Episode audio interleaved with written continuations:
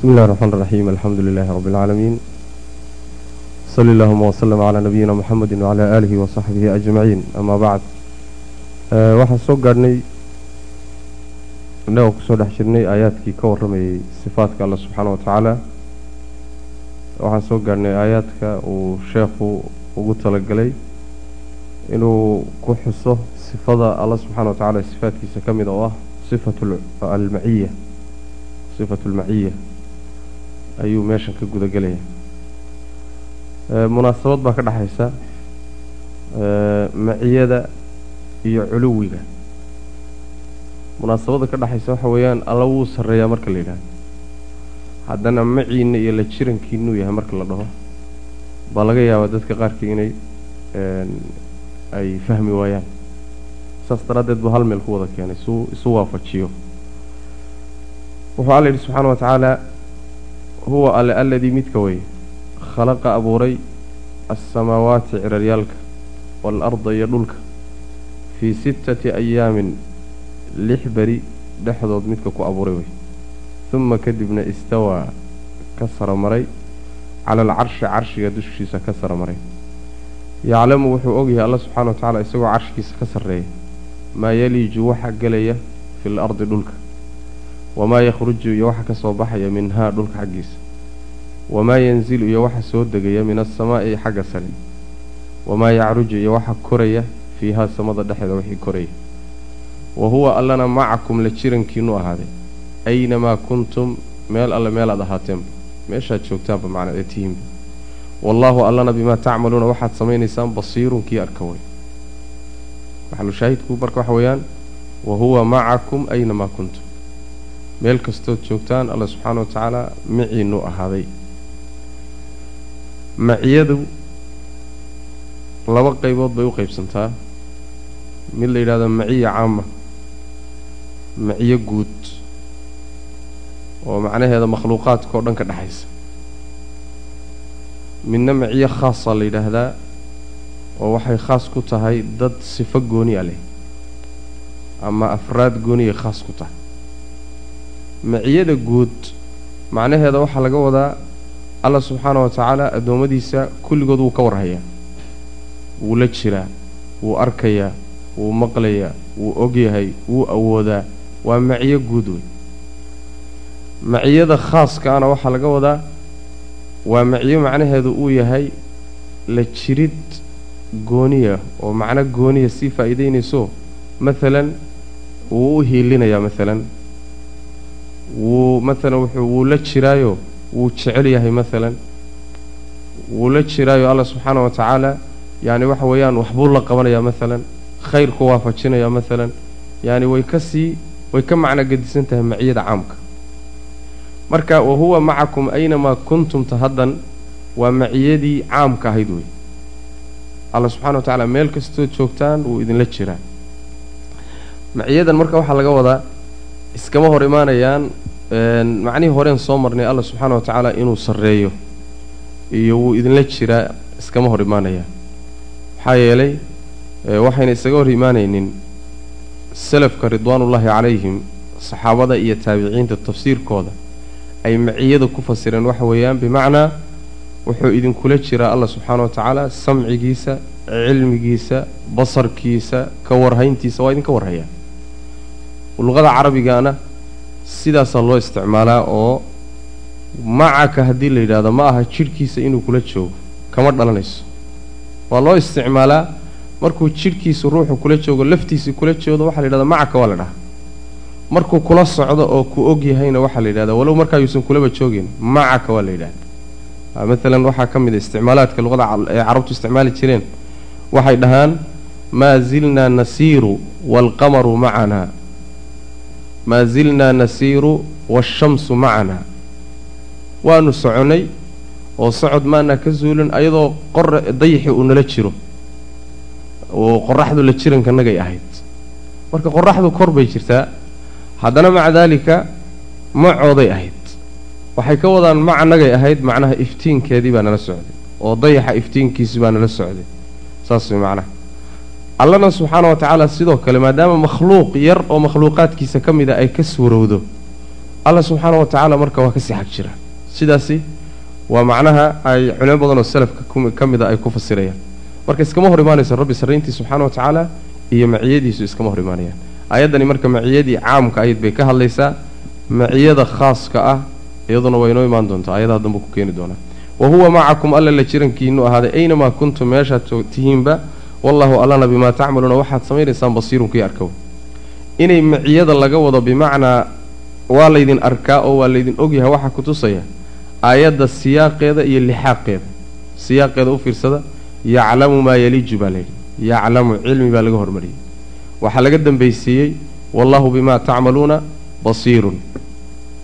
Saas macana marka waa daliil waadixa wey leanna qur'aanka iyo hadalka waxa ugu fiicanee lagu fasira waxa weeyaan waa siyaaqa iyo lixaaqa. Yacni wax ka horreeya waxa ka dambeeya. Saas maana saasay culimmadu ay yidhahdaan tafsiirka salafkuna dee waa cumda. Ayb wa qowluhu alla odhaadii subxaana wa tacaala uu yidhi ayaa ka mida jumlooyinka galay hadalkii horey loo soo sheegay. Maa yakuunu ma ahaado buu rabbi yihi subxana wa tacaala. Min najwa halaatatin saddex faqood ma ahaado. Yacni saddex faqaya ma jiraan way macnaha ilaa haddii uu jiro faqada faqaasi huwa alle raabicuhu midkii afreeyo weeye. Saddex faqaya hadday jiraan alla afar ku ah. Walaa khamsatin shan faqood ma jiro. Ilaa hadduu jiro huwa alle saadisuhum ka lixeeyo wey walaa adnaa wax ka hooseeya ama ka yar ma jiro min daalika saddexdaa. Oo marka laba iyo wixii ka sii yar bay noqonaysaa min daalika kaas tiradaa la soo sheegay wax ka yar ma jiro. Walaa akthara iyo wax ka badantoona ilaa hadduu jiro huwa alle macahum la jirankooda wey wax ka yar iyo wax ka badan baa allah subxana wa tacala waa la jira oo wax ka badan lix lixa baa laynoo sheegay. Yaani yaani lix iyo toddoba iyo siddeed iyo saas wey wixii ka yarna saddex baa laynoo sheegay. Waa laba iyo yaani hal iyo yaani inkastoo najwadu ayna ka suuroobin hal ruux. Najwa yani faqu laba ruux baa ugu yar. Wuxuu ka suurooba ayb ilaa huwa macahum aynamaa kaanuu meel alle meelay joogaan meel alle meelay ahaadeenba uma kadibna yunabi'uhum alla wuu u warrami. Bimaa camiluu waxay sameeyeen buu uga warramay yowma alqiyaamati maalinta qiyaamada. Maxaa yeeley ina allaha alle bikulli shayin wax walba caliimun kii og wey. Yacni saddexdii faqaysa oo sheekaysanaysa allah afreeye shan hadday jiraan maalan sheekaysanayoo faqaya alla subxana wa tacaala lix buu ku yahay intaa wax ka yar ma jiraan ama ka badan ilaa alla waa la jiraa meel kastoy joogaan. Saasay aayaddu tilmaamaysa. Kadibna wixii uu ka ogaa buu maalinta ee ay sameeyeen buu maalinta qiyaamada alla subxaana wa tacaala ku abaalmarinaya wuu uga warrami uga warrami macnaha abaalgudkeedii baa la siinaya wey macnaha allana subxaana wa tacaala wax walba kii og wey caliimun yani bikulli shayin caliim. Wax walbuu rabbi ogsoon yahay subxana wa tacaala. Marka maciyadan sidoo kaleeto waa maciyadii caamka ahayd ba iyaduna weeyo. Alla subxaana wa tacaala addoommadiisa wuu la socdaa wuu ka warhayaa wuu og yahay waxba kama qarsoona awood buu u leeyahay rabbi subxana wa tacaala sidaas weeyaan. Ayib wa qowluhu rabbi subxaana wa tacaala uu yidhi laa taxzan ina allaha macnaa marka maciyadaas caamka waxaan nidhi makhluuq oo dhan bay ka dhexaysa yaani aayaddan tii horay la mid tahayo iyadana waxaa lagu khatimay ina allaha bikulli shayin caliim. Waxaa kaloo dhexda la geliyey uma yunabi'uhum bimaa camiluu yowma alqiyaama. Marka waa la socoshay iyo ogaansho way rabbi ogyahay subxana wa tacala saas way macnaha bacdu ahlilcilmi sida sheikhulislaam ibnu taymiya oo kale isagu wuxuu leeyahay allah subxaana wa tacaala la jirankiinu ahaaday. Haddana waa sarreeyaa labadoodaba saah laysaga daaya say isu waafaqayaan haddii la yidhaahdo. Say isu waafaqayaan su'aashaasaaba khalada buu leh leanna waa wax ilaahay u gooni ah subxana wa tacaala. Ilaahay sifaadkiisa iyo sifaadka makhluuqan ayaan loo kala qiyaas qaadanin horaa loo yidhi. Qaacidadu taasay ahayd. Sidaas daraaddeed allahu macakum wa huwa mustawin calaa carshihi. Isagoo carshigiisa ka sarreeyo haddana la jirankiinaya saa lagaga gaabsado. Waa sida uu ku tegay sheikhulislaam ibnu taymiya fii bacdi kutubihi laakiin culimmada selafka qaar ka mid a waxaa laga soo guuriyaa sida cabdullahi bni cabbaas iyo keyrkood inay maciyadan ku fasiraan bimacna alcilmi iyo basar iyo la socosho iyo ixaato iyo qudro inay ku fasiraan. Baa laga soo guuriyaa macnaha ayib marka labada madhabba waa laba madhab oo la dhihi karo waa sax. Ayb wa qowluu rabbi odhaadii subxaana wa tacaala uu yidhi laa taxzan ha murgin. Ina allaha alla macanaa la jirankanu ahaaday. Waa rasuulka sal lla lay waslam hadalkii uu ku yidhi sidiiqa abubakr sidiiq radi allahu canh markii ay godka ku wada jireen ooy gaaladu is soo dultaageen laa taxzan ina allaha macanaa marka maciyadani ma tii caamka ahayd baa mise waa tii khaaska ahayd? Waa tii khaaska ahayd waay maxaa yeele waa maciyo ku khaas ah rasuulka sal alla lay wasalam iyo abubakr sidiiq weliba waa waxaa la yidhahdaa waa khaasulkhaas miciyada khaaska ah baa laba qaybood u qaybsanto mid waxay ku xidhan tahay sifo. oo cid kasta oo sifadaa la tilmaad la timaada oo shaygaa lagu xidhay la timaadaay way gelaysaa. Midna waxay ku xidhan tahay shaksi bay ku xidhan tahay. Midda shaksigaa marka sii khaasan. Maalan midda sifada ku xidhan waata inoo soo socoto. Ina allaha maca aladiina ataqow oo kaleeto. Alla wuxuu la jirankooda yahay kuwa ka cabsada cid walboo ka cabsata marka miciyadaa waa gelaysaa. Laakiin laa taxzan ina allaha macanaa waa nebiga iyo abubakr sidiiq keliya waay. Tanaa marka ka sii gudayar oo dad bay khaas ku tahay. Marka waxaa la yidhahdaa waa nooca khaaskaa bay ka mid tahay laakiin waa khaasulkhaas wey way. Sii gudayar tahayoo shakhsiyaad bay macnaha gooni ku tahay.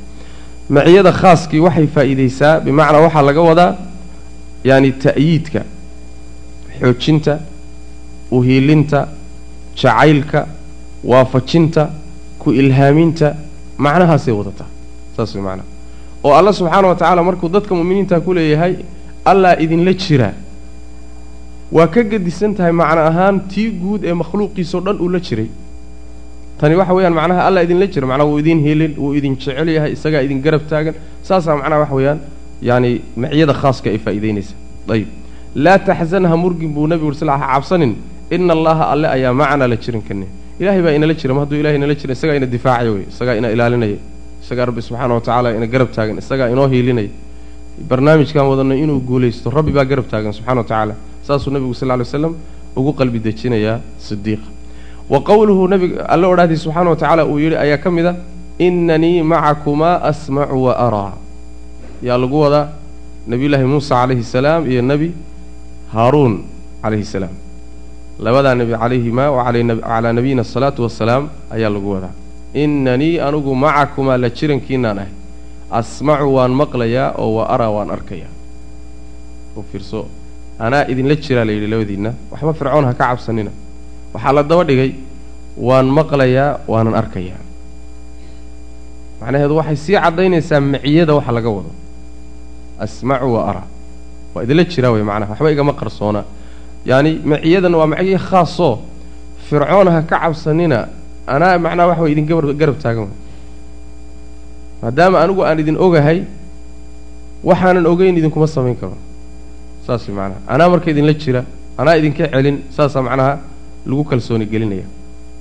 Tanina iyaduna waa maciyadii khaaska ahayd lawaatin waa tii sii khaasanayd oo ashkhaasta ku saabsanayd. Leanna waa laba nebi buu alla subxana wa tacala hadalkaa u jeedinaya. Ayib wa qowluu rabbi odhaaday subxana wa tacaala uu yidhi ina allaha alle maca aladiina kuwii la jirankoodu ahaaday ittaqow cabsaday iyo waladiina kuwa hum iyagu muxsinuuna kuwa samafalaya kuwa yacni ixsaanka samaynaya iyo kuwa taqwada la imaanaya kuwaasuu alla la jiraa subxana wa tacaala oo la jirankooda yahay.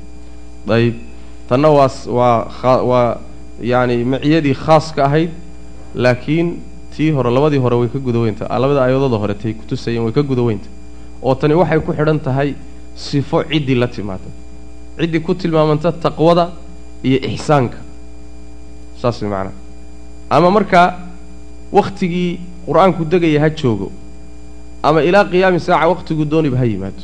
Saas way macanaha ina allaha maca aladiina ataqow waladiina hum muxsinuun saas way macanaha ayib taqwada iyo ixsaanku waa kala yacni sii kala xeeldheeryihin ixsaanku waa aclaa darajaati aliimaan wey iimaanka darajaadkiisa meesha ugu sarraysaa ixsaanka. Ah xadiiskii waa kii xadiiskii cumar bn radi allahu canhu ee jibriil nebiga u imaan jiray sal lla lay waslam sa'ala can alislaam awalan uma can aliimaan uma can alixsaan waa martabada ugu sarraysa marka iimaanka wey macana ayib wa qowluu rabbi odhaadii subxana wa tacala uu yihi wasbiruu sabra ina allaha alle maca asaabiriina kuwa sabrayuu la jirankooda yahay. Tanna sifatu sabri baa lagu xidhay oo dadka sabraya dabcan iimaankana la yimid kuwaasuu rabbi la jiraa subxana wa tacaala. Wa qowluu rabbi odhaadii subxana wa tacala uu yidhi kam min fi'atin kam badana min fi'atin koox badana qaliilatin oo yar. Halabad intay ka adkaatay fi'atan koox katiiratan oo badan biidni illaahi ilaahay idankiisana ay kaga adkaatay. Wallaahu allana maca asaabiriina kuwa sabra ayuu la jirankooda yahay. Kuwa adkaysta oo u dulqaata mashaaqda yacni waxa weeyaan cibaadaadka daacaadka takaaliifta sharciga jihaadka kuwaasuu ilahay la jiraa subxana wa tacala ayib marka tanna waa iyaduna waa maciyadii khaaska ahayd wey wa qowluu rabbi odhaadii subxana halkaa marka wuxuu kaga soo baxay yacni sifatu lmaciya alla subxaana wa tacaala maca cibaadihi maca culuwihi wa istiwaa'ihi calaa carshihi. Saas way macanaha isagoo carshigiisa ku eg alla subxana wa tacaala buu haddana addoommadiisa la jiraa. Oo guud ahaanna ula jira si gaarana addoommadiisa mu'miniinta rabbi ula jiraa subxana wa tacala wax iska hor imaanayana ama ishardinayana ma ah. Sidaas weeyaan. Ayib wa qowluhu rabbi odhaadiisa subxaana wa tacala uu yidhi waman asdaqu halkan wuxuu ka guda gelayaa sifatu lkalaam oo ilaahay loo sugo subxana wa tacaala. Ilaahay sifaadkiisa waxaa ka mid a inuu hadlo. Waa sifa azaliya. Waana waa marka loo fiiriyo asalkeeda marka la fiiriyo. Waa sifa azaliya oo ilahay uu ku tilmaamaya subxana wa tacaala waana waxay ka mid tahay min sifaati alafcaal oo hadalka ajzaadiisa marka la fiiriyo qaybihiisa. Hadalka hadal walba rabbi wuxuu hadlaa subxaana wa tacaala markuu doono. Saas way macnaa. Hadal walba wuxuu doono. Qur'aanka wuxuu ku hadlay markii nebi maxamed noolaa salawaatu rabbi wasalaamu caleyh marka hadalka rabbi subxaana wa tacaala markuu doono buu ku hadlaa. Laakiin hadalku asal ahaan sifa daatiyuu ilaahay u yahay subxana wa tacala asalkiisu saasa la yidhaha alla wuxuu yidhi subxana wa tacala waman asdaqu yaa ka run badan min allaahi alla xaggiisa xadiidan sheeko. Hadal iyo sheeko la sheego yaa ilaahay kaga run badan. Ma jirta waay. Mantu waa istifhaam bimacnaa annafyi ah. Inkaari way macnaha yaani laa asdaqa min allaahi xadiidan cid ilaahay hadal kaga run badani ma uu jiro. Marka ilaahay oo xadiid iyo sheegid iyo hadal lagu tilmaamay bay aayaddu faa'iidaynaysaa ayib waman asdaqu yaa ka run badan min allaahi ilaahay yaa ka run badan qiilan odhaahda xaggeeda. Hadal la yidhaahda yaa ilaahay kaga run badan. Macnaheedu iyaduna waa nafyi laa asdaqa min allaahi qiilan. Hadal lagu hadlo ilaahay cidina kagama run badna subxana wa tacala saas macnaha. Marka iyaduna waxay faa'idaynaysaa alla subxaana wa tacaala sifaadkiisa inay ka mid tahay inuu qawlo inuu hadlo macnaha inay ka mid tahay alla subxana wa tacala sifaadkiisa ayib hadalka rabbi subxana wa tacala marka siday qabaan ahlusunna waljamaaca waxay qabaan inuu yahay hadal yaani sawd leh oo xuruuf leh. Sawd leh oo xuruuf leh. Xadiista nebiga inoogu imaan doontaa inuu rabbi subxaana wa tacaala uu hadalkiisu sawd leeyahay. Saas weeyaan. Xuruuf inuu leeyahayna qur'aankan aan akhriyayno baa ilaahay hadalkiisiiya subxana wa tacaala. Xuruuftu waa kuwa ilaahay ku hadlay subxana wa tacaala. Taa waxaa lagu radinayaa muctasilada oo yidhi ilaahay subxaana wa tacaala hadalkiisaba inkiray iyo ashaacirada oo yidhi alla wuu hadlaa laakiin waa hadalkiisu waa sifo daati ah oo daatadiisa ka mid ah. Laakiin wax xuruuf iyo macaani gooniya wata ma ah waxaa la yidhi qur'aankan seed dhahaysaan? Waxay yidhahdeen qur'aanku waa cabirid la cabiray ilaahay hadalkiisii daatiga ah oo yaa cabiray. Hadday dhahaan malakul jibriil baa cabiray qur'aanku makhluuq buu noqon hadday dhahaan nebi maxamed baa cabirayna qur'aanku makhluuq buu noqon. Leanna xuruuftan iyo yacni sawdkan meesha yaalla ma aha kii ilaahay subxana wa tacaala. Kii ilaahay baa laga cabiray bay leeyihiin kii ilaahay baa laga soo cabiray waa ashaacirada madhabkooda wey taqriiban waxay yidhaahdaan waa madhabkii muctasilada oo waxoogaa la yaro reemagaaleeyey waxoogaa maaragtay wax yar ay yaani yaro qariyeen un bas laakiin iyaga iyo muctasilada farqi weyn uma dhexeeyo masalada hadalka ilahay kalaamka marka la fiiriyo macnaa saas weyaan ayib ahlusunna waljamaca waxay qabaan laakiin alla hadal wuu hadlaa aslulkalaam waa sifa daatiya oo ilaahay leeyahay laakiin kalaamka yaani dhinaca kale marka laga fiiriyo waa min sifaati alafcaal baa la yidhahda mashii'ada ilaahay iyo iraadadiisay ku xidhanta markuu doonuu hadlaa rabbi subxana wa tacala saas way macnaa waman asdaqu min allahi qiilan.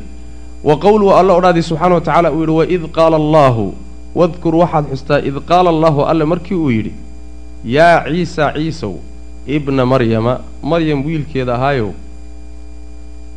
a anta qulta linnaasi itakhiduunii wa ummiya ilaahayni min duuni illah saasuu ah ma adaa ku yidhi dadka ani iyo hooyaday ilaahyo naga dhigta.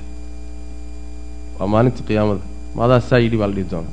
Maxalushaahidku waxa weyaanu hadda id qaala allaahu. Ma aha in hadalkaa markii nebi muuse nebi ciise calayhi salaam loo jeedinayo in isaga lagu xumaynayo laakiin waxaa lagu quusinayaa kuwii mooday inuu ilaah yahay. Kuwaasaa lagu quusinaya. Oo markii nebi muuse nebi ciise calayhi salaam uu isagiiba la leeyahay maadaa faray dadka waxan? Maadaa u sheegay marka la leeyahay? Oo isagiiyo su'aalo la weydiinaya arkaan kuwii caabudi jiray maxay samaynayaan soo ku quus qaadan maayaan. Saas way macanaha taqriiban waa yaani weysha weysha gawrac dibuga ha ku quus qaatay bay soomalidu yidhahda waa quusanayaan markay arkaan macnaha waxa weeyaan oo yaani waxoodii oo dhan inuu khuraafo ah marka xaqiiqsanayaan saas way macanaha dayib. Waid qaala allahu yaa ciisa bna maryam maxalushaahidku marka waxa weeyaan qaala allaahu markuu ilaahay ku yidhi nebi ciise. Hadal uu maqlayay nebi ciise buu ilaahay kula hadlay subxana wa tacaala saas weeyaan. Wa tammat waxaa dhammaystirantay kelimatu rabbika. Yani hadalka alla subxaana wa tacaala nebi ciise calayhi salaam waxaa soo gaadhsiiyey malakuljibriil calayhi wacalaa nabiyina asalaatu wasalaam ayib wa tammad waxaa dhammaystirantay buu rabbi yihi subxana wa tacaala kelimatu rabbika. Rabbigaa kelimadiisa ayaa dhammaystirantay sidqan run iyo wa cadlan cadaaladba yacni run dhinaceeda iyo cadaalad dhankeeda ayay ka dhammaystirantay oo marka aad ka dhigto tamyiis ama waxaad dhigi kartaa sidqan xaalo ay tahay mid run ah wa cadlan xaalo ay tahay mid cadaalad ah. Sidqigu waxaa ku tilmaaman hadalka ilaahay ee khabarka iyo warka sheegaya sidqan fi alakhbaar wa cadlan fi alaxkaam wey. Wixii ilaahay uu addoommadiisa u jideeyey wuxuu ka xalaaleeyey wuxuu ka xaaramay wuxuu amray wuxuu ka nahiyey cadaalad bay ku salaysantah wixii uu u sheegayoo khabaroo xaggio xagga ilaahay uga yimidna run buu ku salaysan yahay. Marka sidqan wa cadlan saas wey. Ayib wa qowluhu macalushaahidku marka waxa weya tammat kelimatu rabbika. Kelimatu rabbika waa rabbi hadalkiisa wey. Kelimada rabbi subxana wa tacala inuu rabbi hadlay marka aayaddu tilmaamaysa. Wa qowluhu rabbi odhaaday subxana wa tacala uu yidhi wakallama allaahu. Alla wuxuu la hadlay muusaa muuse ayuu muusuu la hadlay takliiman la hadlid. Wa kallama allaahu muusa takliiman. Takliimanta waxaa la yidhahdaa waa masdar mu'akid ah.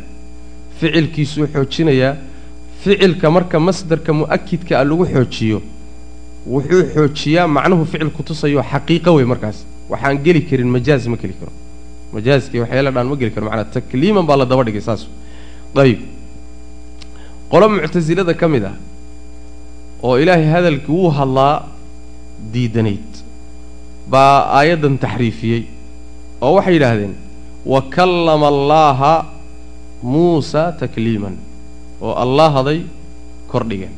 Macnaha waxay noqonaysaa marka muusuu hadalku ka tego muusaa hadlayoo ilaahay la hadlay saasay ka dhigeen way dabagediyeen macnaha saas wey macnaha laakiin waxaa u diidaysa aayado kaloo qur'aan oo cad ilaahay inuu muuse la hadlay oyna taxriifin karin. Id naadaahu rabbuhu bilwaadi almuqadasi tuwa. Ma meelay ka maraan ma helayaan. Maxaa yili naadaahu waxa hadlaya dhawaaqaya waa alle. Waxa loo dhawaaqaya hu mafcuulku ku dhacayana waa nebi muuse calayhi salaam. Meelay ka maraan ma helayaan saas macnaha ayib wa kallama allahu muusa takliiman minhum waxaa ka mida buu rabbi yihi qowluhu alla odhaaday subxana wa tacaala uu yidhi minhum waxaa ka mida man kallama allah. Rususha waxaa ka mida man kallama allaahu cid uu alla la hadlay oo toos uu hadalkiisa u maqashiiyey sida nebiyullaahi muusa calayhi salaam oo kale muusa oo kaleeto toos buu rabbi ula hadlay subxana wa tacaala. Ayib walamaa jaa'a muusa limiiqaatina wa kallamahu rabbuhu.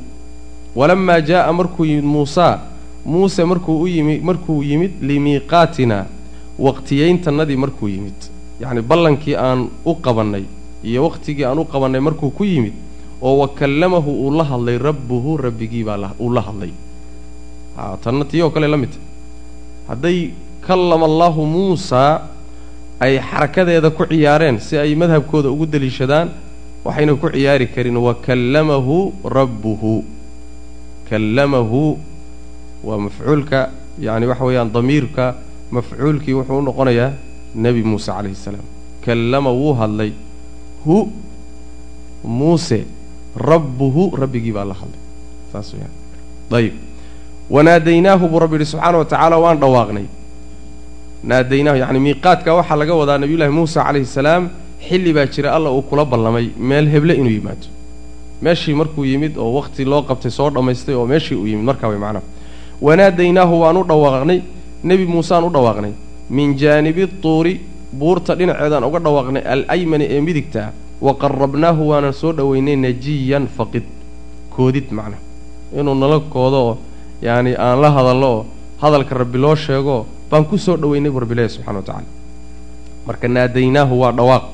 Wuu dhawaaqay wuu la hadlay kulli waa ma isku macnay keenaysaa macnaha ayib wanaadaynaahu waan u dhawaaqnay nebi muuse calayhi salaam min jaanibi tuuri buurta dhinaceedaan uga dhawaaqnay. Tuuri saynaa wey. Tuuri saynaa yaani wax weeyaan meeshaas wey buurtii nebiyullaahi muuse calayhi salaam markuu madyan ka soo laabtay oo isagoo u soo socdo masar u soo socda meeshii waxyigu ku bilowday isagoo maraya wey macnaha saas weeyaan. Al-aymani ee midigta ah wa qarrabnaahu waana soo dhoweynay buu rabbi subxana wa tacaala najiyan yacni koodid baan ku soo dhoweynay wa qowluhu rabbi odhaadii subxana wa tacala uu yidhi waid naadaa rabbuka muusa an i'ti lqowma aldaalimiin wadkur waxaad xustaa id waqti naadaa uu dhawaaqay rabbuka rabbigaa muusaa muuse uu u dhawaaqay oo wuxuu ugu dhawaaqay an i'ti ay i'ti u tag alqowma qowmkii aldaalimiina ee gardarsaday qowmka gaalada ee gardarsaday ee naftooda dulmiyey kuwa iyagaa u tag baa lagu yidhi. Waa fircoon iyo qowmkiisii wey. Marka naadaa rabbuka muusaa rabbigaabaa wuxuu u dhawaaqay muuse. Dhawaaqu marka waa hadal. Hadal wey macnaha saas weeyaan. Wa qowluhu alla odhaaday subxaana wa tacaala uu yidhi naadaahumaa rabbuhumaa alam anhakumaa can tilkuma ashajara tanna waa nabiyullaahi aadam calayhina calayhi wacalaa nabiyina asalaatu wasalaam iyo xawaa. Wanaadaahumaa wuu u dhawaaqay. Rabbuhumaa aadam iyo xaawo rabbigood baa u dhawaaqo wuxuu ku yidhi alam anhakumaa soo idinkama reebin oo idinma diidin. Can tilkumaa tiinna ashajarati ee geedda ah. Geeddaas aad cunteen soo iska jira idinma dhihin. Waa markii taqriiban uu ay geedda cuneen oo ceebi dhacday ooy yacni soo baxday inay khalad galeen. Markaa wey markuu alla subxana wa tacala hadalkan u jeedinaya macnaha ayib wa qowluhu alla odhaadii subxana maxalushaahidku marka waxa weye waa dhawaaqaas. Wa qowluhu alla odhaadii subxaana wa tacala uu yidhi wa yowma yunaadiihim maalinka uu u dhawaaqi doono alla subxaana wa tacaala waxaa loo dhawaaqayaa ummadihii rususha loo diray. Fa yaquulu markaasu wuxuu odhanayaa alle maadaa maxay baad ajabtum ugu jawaabteen? Almursaliina kuwii la soo diray. Waa maalinta qiyaamada. Yacni rusushiina waa la weydiinaya waxaa la odhanayaa xilkaan idiinsii dhiibay ma gaadhsiisan dadkaan idinku sii dhiibay ummadihiina waa la weydiinaya waxaa la odhanayaa maxay ahayd jawaabtiinnii aada ugu jawaabteen? Kuwaan soo diray. Saas macnaha marka wa yowma yunaadiihim waa dhawaaq. Fa yaquulu waa hadal. Saas macnaha dhawaaq yaquulu wuxuu odhanaya marka labaduba sifay kutusayaanoo sifatulkalaam ah. Ayib wa qowluhu alla odhaadii subxaana wa tacaala uu yidhi wain axadun ruux oo min almushrikiina gaalada ka mida istajaaraka hadduu ku weydiisto yacni badbaadin iyo nabadgelin hadduu ku weydiisto fa ajirhu nabadgeli baa leeyahy xataa yasmaca ilaa uu maqlo kalaam allah hadalka ilaahay ilaa uu maqlo. Waxaa la yidhahdaa macnaha ishtiqaal bay yidhahdaan culimmada yani carabiyadu. Wain istajaaraka axadun min almushrikiina istajaaraka saas kaleeto macnaha. Ayib hadduu mushrikiinta mid ka mida uu ku yidhaahdo nabadgelye ha lay nabadgelye ha la siiyo. Waddanka muslimiinta ha yimaado. Bulshada ha dhex yimaado. Qur'aanka ha dhagaysto. Sababtu waxa weeyaan yacani ayagoon rasuulkaba sal alla alay wasalam aan wuxuu wataba dhagaysaninba oon maqlin oo xujadiisa dhagaysanin. Unbay odayaashii hor joogay ee madaxda u ahaabaa ku diray nebiga sal alla alay slam waxay yidhahdeen ninkani waa saaxir waa kaahin waa beenaale. Saa unbaa lagu akhriyay bulshada derbigaa marka ay dhex dhigeen nebiga sal alay waslam iyo dadweynaha ay dhex dhigeen hadduu meesha ka baxo oo dadweynuhu ay dhegaystaan nebiga hadalkiisa sal lla alay waslam oo ay dhegaystaan qur'aanka dhegaystaan waa hanuunayaan saas way macanaha marka u suurtageli in ay dhegaystaan hadalka allah subxana wa tacala xataa yasmaca kalaam allahi saas wey ayib marka kalaam allah qur'aankii oo lagu tilmaamay inuu yahay hadal ilaahi subxana wa tacala xataa yasmaca kalaam allah ayb waqad kaana fariiqu minhum yasmacuuna kalaam allah afa taطmacuuna an yu'minuu lakum eh waa ahlulkitaabkii afa taطmacuuna ma waxaad damaacinaysaan ood rajo ka qabtaan an yu'minuu lakum inay idiin rumeeyaan waxaad la timaadeen walxaal qad kaana ay ahaayeen fariiqun koox oo minhum iyaga ka mid ihi waa yahuuddee yasmacuuna kuwa maqla kalaamallaahi hadalka ilaahay bay maqli jireen uma markay maqlaanna yuxarifuuna way yuxarifuuna way leexinayeen hu kalaamkii min bacdi maa caqaluuhu markay fahmaan kadib bay leexin jireenoo macnihiisii iyo maqsadkiisii saxdaa bay ka leexin jireen. Walxaal hum iyagu yaclamuuna ay og yihiin leexinta iyada ah. Yacni ma rajaad ka qabtaan yahuudi? Waxa aad la timaadeen inay idinka rumaystaan oo idinku raacaan. Iyadoo horaan caadadoodu ay ahayd hadalka ilaahay intay dhegaystaan markay fahmaan kadib macnihiisii inay ka duwaan oo ka leexiyaan. Saasaaba caado u ahayde ma idinka hadda rajo seed rajo uga qabaysaan way macnaha inay idiin rumeeyaan. Saas wey yacni waa bulsho asalkoodu uu macnaha khubthi iyo inay ilaahay kalaamkiisa ku ciyaaraan iyo uun shaqadoodu ay tahay way macnaha. Saasaa caado u ahaan jirta ayib waqad kaana fariiqun minhum ayadoo waqad walxaal qad kaana iyadoo ay ahay fariiqun koox oo minhum iyaga ka mida yasmacuuna kuwa maqla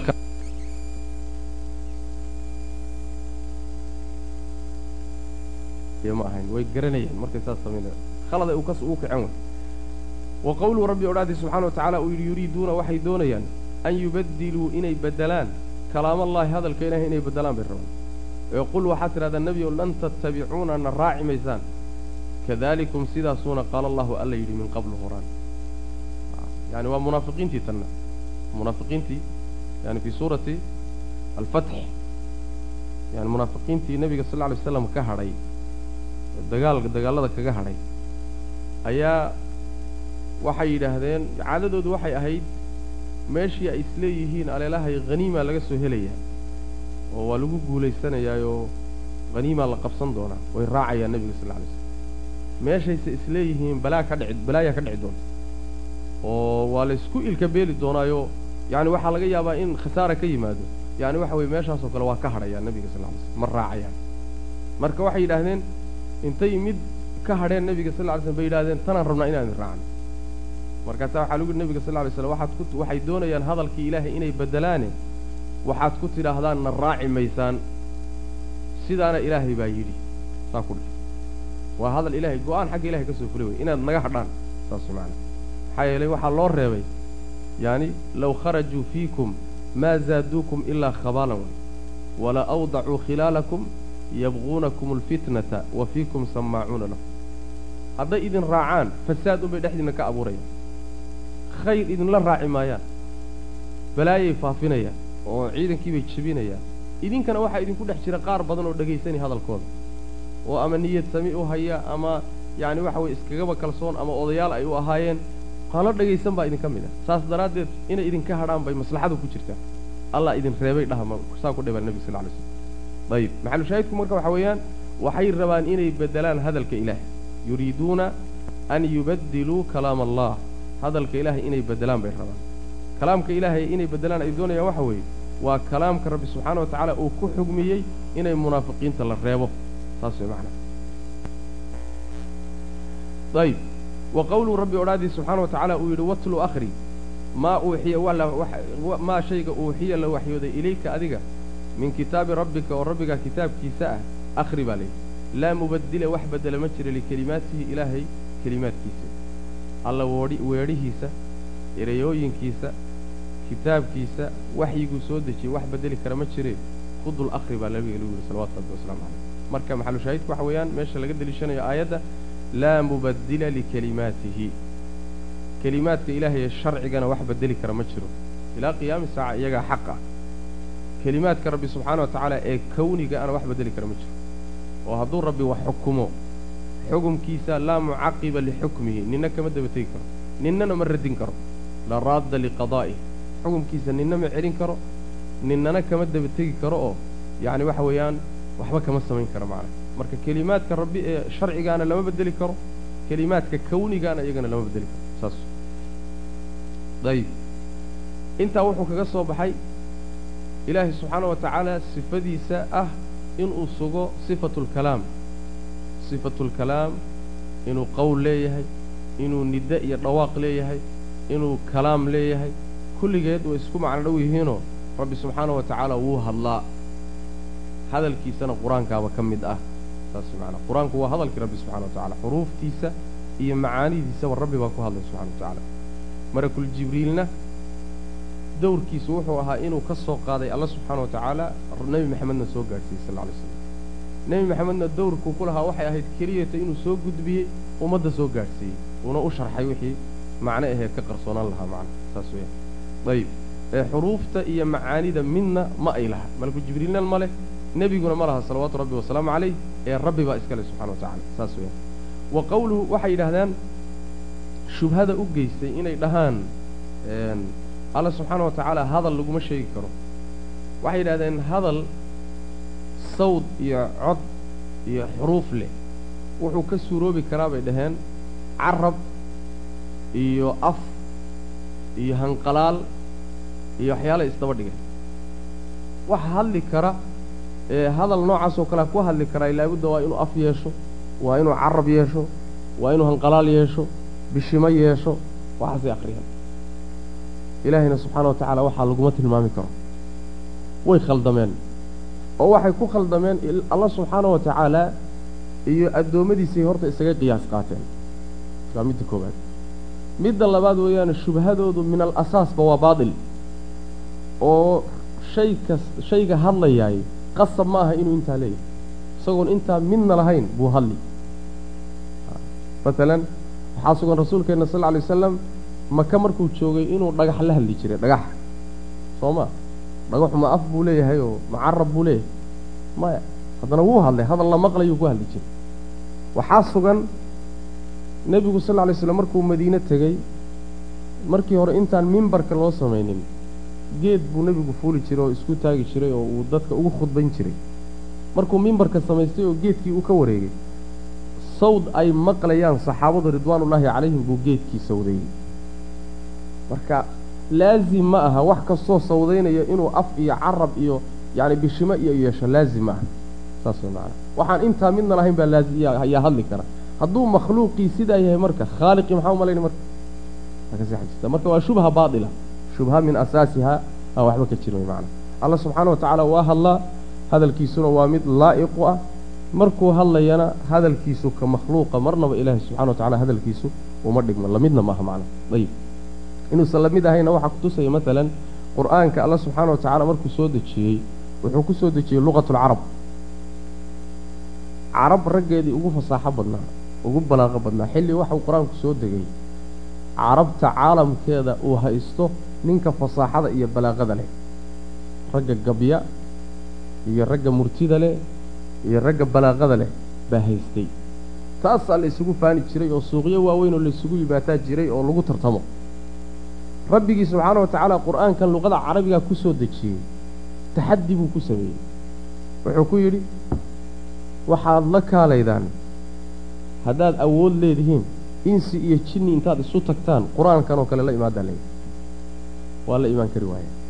Laanna qur'aanku qudro makhluuq waa ka sarreeyaa saas macnaa. Awooddooda male way kari waayeen. Waa laga soo socda waxaa la yidhi waxaad la timaadaan suurad qur'aankaoo kale ah keenaa leeyahy suuradda ugu yar mid la mida keena. Ma aha siday leeyihiin muctasiladu ilaahay baa qalbigooda ka leexiyey oo iskumaba ayna dayinba maya rag baa isku dayey inay la yimaadaan laakiin way ku fashilmeen. Rag baa intay dhaheen qur'aanka maxamed oo kale aan la imaanaynaa baa waxay ka dhaqaaqeen wax aad moodayso carruur af baranaysa. Carruur af bal hadaaqa carruurtao kaleed waxaad moodayso bay ka dhaqaaqeen. Qur'aanka maxamed oo kale aan la imaanayna intay dheheen marka saas wey waa isku dayeen laakiin wax waa ku fashilmeen saas wey macnaa ma la imaan karo lalama imaan karo marka. Taasi waxay kutusaysaa rabbi hadalkiisa subxaana wa tacaala iyo hadalka makhluuqu inuusan isku mid ahayn. Saas wey mana gaadhi karaan makhluuqu rabbi hadalkiisa subxana wa tacala maxaa yele waa sifo ilahi leeyahy subxana wa tacaala oo kaamila wey iyaguna sifadoodu waa naaqis.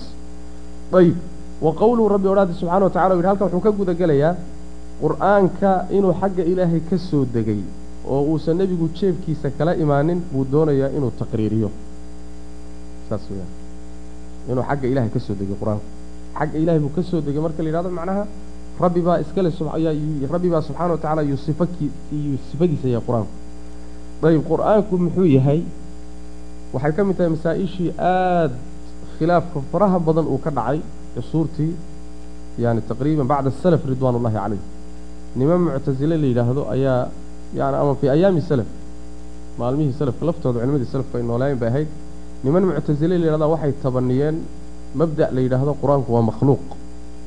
Qur'aanku waa makhluuq mabda'aasay tabaniyeen. Qur'aanku waa makhluuq markay tabaniyeen baa waxay ku qanciyeen madaxdii muslimiinta inuu qur'aanku makhluuq yahay. Nimankii cabaasiyiinta madaxdoodii bay ku qanciyeen. Markaasay haddana weliba waxay ka sii dhaliyeen in culimmada muslimiinta ee adduunka joogta la imtixaano nin walba mar inta loo yeedho oo ninkii diiday qur'aanku inuu makhluuq yahay in la ciqaabo. Wax la dilo wax la xabiso wax la garaaco laga dhigo. Marka waa fitnada la yidhahdo fitnatu khalqi alqur'aan. Fitno waxay ahayd soo baxday cusuurtii alimaamu albukhaari iyo imaamu axmed iyo ay noolaayeen alimaamu shaafici iyo wakhtigaas soo baxday macana ilaa wakhti dhow bay soo gaadhay waana fitnada rag fara badan oo culimmada ka mida loo dilay alimaamu axmed calayhi raxmatullah uu muddo dheer u xidhnaa oo jirdil fara badan lagu sameeyey. Ragna waa iska tawriyaysteen oo mar kay arkeen in la isciqaabahayo bay yacnii afka waxay ka dheheen waxaan qalbigooda ku jira si ay u fakadaan. Saas macana marka rag baa sumuuday oo adkaystay oo dul qaatay oo uu ka mid ahaa ugu caansanaa alimaamu axmed caleyhi raxmatullah waana meesha uu kula baxay imaamu ahlisunna waljamaca imaamu ahlisunna waljamaca xaalad raggu wada baqeen rag badan ay baqeen. Buu macnaha waxa weyaan maaragtay isagu adkaystay. Ilahayna subxana wa tacala ummadda waa ku badbaadiyey. Saas wey macana waxaa la yidhahdaa laba maalmood buu rabbi subxaana wa tacaala maalintii ay carabi ridowday. Rabbi diinta wuxuu ku xifdiyey abubakr sidiiq iyo mowqifkuu qaatay. Maalinkii labaadna waxay maalinkay muctasilo madaxda saamaysay oo khalqulqur'aan fitnadeedu ay timidna ilaahay ummadda diinteeda wuxuu ku xifdiyey mowqifkii imaamu axmed caleyhi raxmatullah.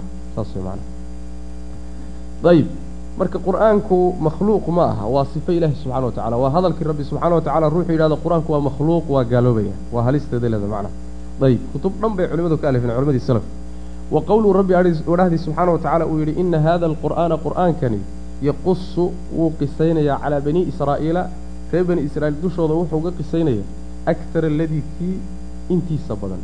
Hum iyagu fiihi dhexdiisa yakhtalifuuna yakhtalifuuna isku khilaafsan yihiin waxay isku khilaafsanaayeen intiisa badan buu qur'aanku uga warramayaa bu rabbi subxana wa tacala taas waxyaalo badan oo isku diidanaayeen maxaa saxa maxaa qalad oo ay ku qaybsameen buu qur'aanku u sheegay. Reer bani israa'iil maalan waxyaalaha ay aada isugu khilaafeen waxaa ka mid a maalan nebi ciise calayhi salaam muxuu ahaa. Masalan yahuudi waxay yidhaahdeen calayhim lacaa'inullah waxay yidhaahdeen waladu zinu ahaa. Meel bay kaga dhaceen nasaarana quluwi bay ku sameeyeenoo waxay yidhaahdeen wiil ilaahay buu ahaa soo kaaf iyo kala dheeri maaha nin le wiil ilaahay waa ama waaba ilaah. Iyo mid taagan yacni waxa weeyaan ilma zinu ahaaba sharciba kuma dhalaninba allah subxaana wa tacaala marka sharcigan uu soo dejiyey nebi maxamed loo soo dhiibay sal lla lay waslam waxyaalahay isku haysteen ee uu u caddeeyey qur'aanku ayuu ka mid yahay. Nebi ciise muxuu ahaa qur'aanku meelo aayado fara badan baa lagaga hadlay. Ilaa waxaa laga soo bilaabay hooyadii maryam hooyadii maryam yacani dhalashadeedii baa laga soo bilaabay. Say ku dhalatay xaggay ku kortay yaani waxa weye say ku uurqaaday say ku dhashay xaggay ku dhashay yaani waxa weye wixii taariikhdii baa la soo waday see buu ku koray. Ilaa markii dambe yaani waxa weye waxyigii ilaahay u waxyooday subxaana wa tacala waxyaabuu qaban jiray buu qur'aanku ku xeel dheeraaday sababku waxa weeyaan waa waxyaalihii reer bani israa'iil ay isku khilaafeen mid ka midoo qur'aanku uga qisoonaya sida saxda arrintu ay tahay macnaha saas weyan labada qolee khaldamay ayaa la saxaya. Ayib marka maxalushaahidku waxa weeyaan ina haada alqur'aana yaqusu wuu qisoonaya qisadu wax la sheego wey maadaama qur'aankii uu qisoonayo qisadu macnaha waa kalaam waay waa hadal. Saas macnaha marka waa sifatu alkalaam bay macnaha raacsan tahay tii hore raacsantahay ayib. Aayaddana marka waxaa ka bilaabanaya hadda inoo soo socota qur'aanku inuu xagga ilaahay ka soo degay subxaana wa tacaala rabbi wuxuu yihi wahaadaa kani? Kitaabun kitaab weye anzalnaahu oon soo dejinnay mubaarakun oo la barakeeyey. Khayrkiisa la badiyey wey anzalnaahu waan soo dejinnay halkaas wey meesha laga deliishanay low anzalnaa haddaan soo dejin lahayn bu rabbi yihi subxana wa tacala hada alqur'aana qur'aankan haddaan dejin lahayn calaa jabalin buur dusheed haddaan ku dejin lahayn la ra'ayta waad arki lahayd buurta iyadaa khaashican xaalu yahay mid khushuucsan buurkaas isagoo aada u khushuucsan mutasadican oo dildilaacaya min khashyati illaah ilaahay cabsidiisa daraaddeed isagoo la dildilaaca isagoo la jeexjeexmo la dildilaacaya baad lahayd yacni culayska uu qur'aanku leeyahy innaa sanulqi calayka qawlan haqiilan baa la yidhi subxana wa tacaala. Waa culus yahay. Laakiin bini aadamka oo iska qalbi qalafsan iska qalbi adag oo qalbigiisu xataa dhagaxa ka adag yahay marka qaarkood ficlan dhagax qalbigu mar hadduu ingego ama uu qallafo ama adkaado marmar buu dhagaxa ka adag yahay saas macana uma qasad quluubukum min bacdi dalika fahiya kaalxijaarati aw ashaddu qasaw buu alla yidhi subxana wa tacala dhagaxyaan oo kaley noqotay siday quluubtiinnu u adkaatay. Bal waaba ka sii daran tahay bu rabbi yidhi subxana wa tacala maxaa yeele dhagaxyaanta qaar baa ilaahay subxaana wa tacaala dikrigii ilaahay cabsidiisa daraaddeed yacni buur dusheed uga soo dhaca. Qaar baa dildilaaca qaar bay biyo ka burqadaan cabsi ilaahay uu ka qabo subxana wa tacaala daraaddeed. Laakiin qalbigiinnu intaa midna laguma hayo dhagaxa marka waa ka adagay. Marka buur dusheed haddii qur'aankan lagu dejin lahaa buurtu waa dildilaaci lahay. Culayska uu qur'aanku leeyahay macnaha uu ka hadlayo waxyaaluhuu sawirayo yacni xaaladuu ka sheekaynayo yani waxa weeyaan waa culus tahay ma fududa. Maxalu shaahidku marka waxa weeyaan low anzalnaa hada alqur'aana. Qur'aankan inuu xagga ilahay ka soo dego alla soo dejiyey bay kutusaysaa ayib wa qowluu rabbi odhaadii subxana wa tacala uu yidhi waidaa badalnaa haddii aan bedelno aayatan aayad haddaan bedelno makaana aayatin aayad kale booskeed haddaan ku bedelno walxaal allahu alla yaclamu uu ogyahay bimaa yunazilu wuxuu soo dejinayo isagoo og wuxuu soo dejinayo alla subxana wa tacaala hadduu aayad intuu bedelo mid kale ku soo bedelo qaaluu waxay odhanayaan innamaa anta adigu muftarin been abuurtaa tahay marniyo waxaan adigon baa badbedelanayo ilaahayna waad ku masabidanaysaayoo been yacni waad ku been abuuranaysaa. Bal iska dhaaf saas maaha arrinku inuu nebigu sal lla lay sl alla ku been abuurta meehe aktaruhum intooda badani laa yaclamuuna waxba ma garanaya waa jaahiliin aan waxba ogeyn weeyaan buu rabbi ku tilmaamaya subxana wa tacala yacni waidaa badalnaa aayatan makaana aaya macnaha waxay tilmaamaysaa nasqigii oo waxay odhan jireen rasuulku sal lay slam ilaan qur'aanku markuu degayay aayaddaa soo degaysa wakhti bay jiraysaa waa la akhrinayaa axkaamteedaa la dhegaysanayaa waa la bedelayaa aayad kalea booskeedii lagu soo bedelaya xukumkii mid ka gedisan xambaarsan saas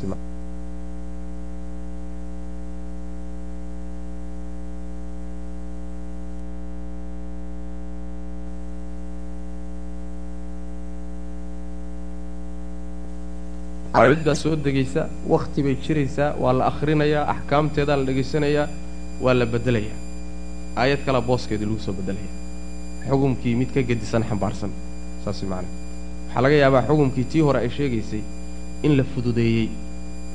Waxaa laga yaabaa xukumkii tii hore ay sheegaysay mid ka yara adag ka culus inay midda dambe xambaarsantahy marka naskigii iyo isbeddelkii waxyiga ku dhacaya imaanshihiisa iyo qur'aanka bay yahuudi waxay yidhahdeen war adaa jeebkaaga kala imaanaya waa waxaad adugu la imaanayso ilaahayna marka ilaahay baa ii sheegayda aad ku haysta wey macana saasay rabbilahi subxana wa tacala marka maxalushaahidku waxa weye waidaa badalnaa aayatan makaana aaya. Cidda wax kala bedelaysay aayad intay meesha ka saarto aayad kale booskeeda gelinaysa waa allah subxana wa tacaala. Ma aha rasuulka sal lla alay waslam isagoo awooddaa ma leh. Ayib. Waidaa badalnaa aayatan makaana aaya. Haddaan aayad aayad booskeed ku bedelno wallaahu aclamu bimaa yunazilu iyadoo alla uu ogyahay wuxuu soo dejinayo. Markii horena wuxuu soo dejiyey xikmad buu ku soo dejiyey. Markan dambena bedeliddu xikmad wey saas macnaa aayadda hore soo degay marka hore soo degtay waxaa loogu talagalay oo ilaahay uu soo dejiyey.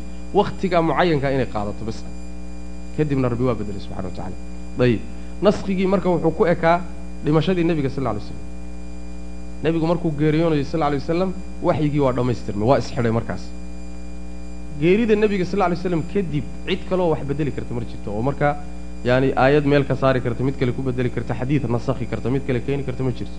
Khalaas marka waa dhammaystirmay. Qur'aanka iyo waxyiguba wuxuu markaa u soo degay qaab ilaa qiyaami saaca loogu talagalay inuu adduunka markaa isagu uu macnaha maamulo oo waxba laga bedelin macnaha. Ayib. Wallahu aclam bima yunazilu qaaluu waxay odhanayaan inamaa anta adigu muftarin baa tahay.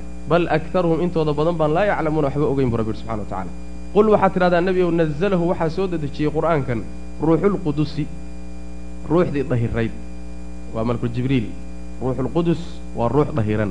Waxay ka dahiran tahay yacni xumaan oo dhan. Waxaa kaloo ka dahiran tahay khiyaanada. Yacni innahu laqawlu rasuulin amiin soo ma ah? Khiyaano ma leh. Marka waa ruuxu muqadas a waay. Nazalahu waxaa soo dedejiyo xagga alle ka ka keenay qur'aankan ruuxulqudusi yaa min rabbika xagga rabbigaa ka soo dejiyey bilxaqi isagoo xaq ku dheehan. Liyuhabbita muxuu u soo dejiyey? Liyuhabbita inuu sugo daraaddeed aladiina kuwii aamanuu rumeeyey inuu sugo. Yacni qalbigooda sugo caqiidadooda u sugo yacni diintooda u sugo inuu sugo. Wahudan hanuun iyo walbushraa bishaarayn lilmuslimiina uu yahay.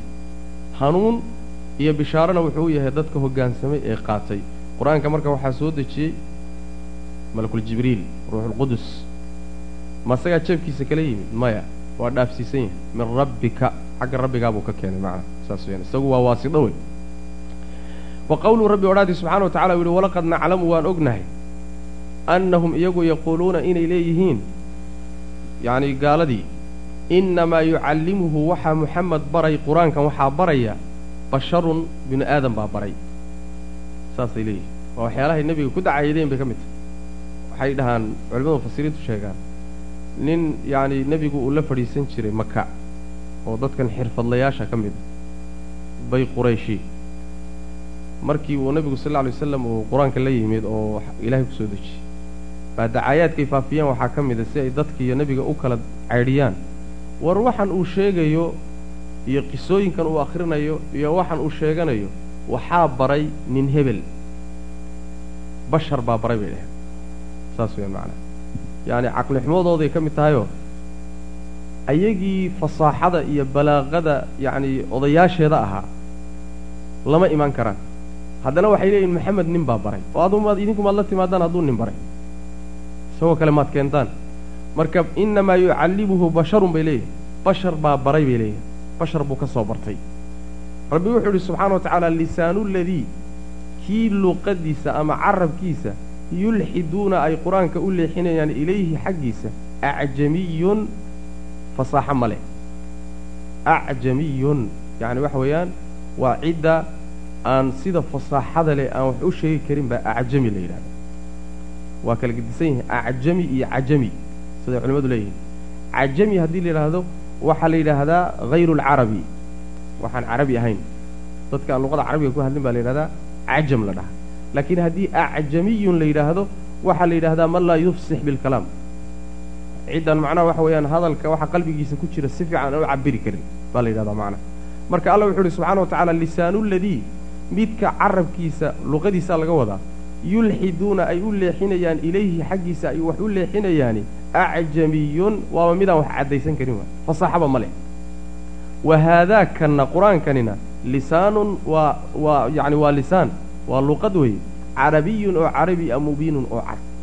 Waxna caddaynaya soo kaaf iyo gala dheeri maa yacni lisaan carabi ah fasaaxo meeshay ugu dambaysa ka gaadhsa. Balaaqadu meeshay ku dhammaanaysa maraya oo iyagii la iimaan kari waayeen baa waxaa keenay bay leeyihiin mid aan waxbaba caddaysan karinba.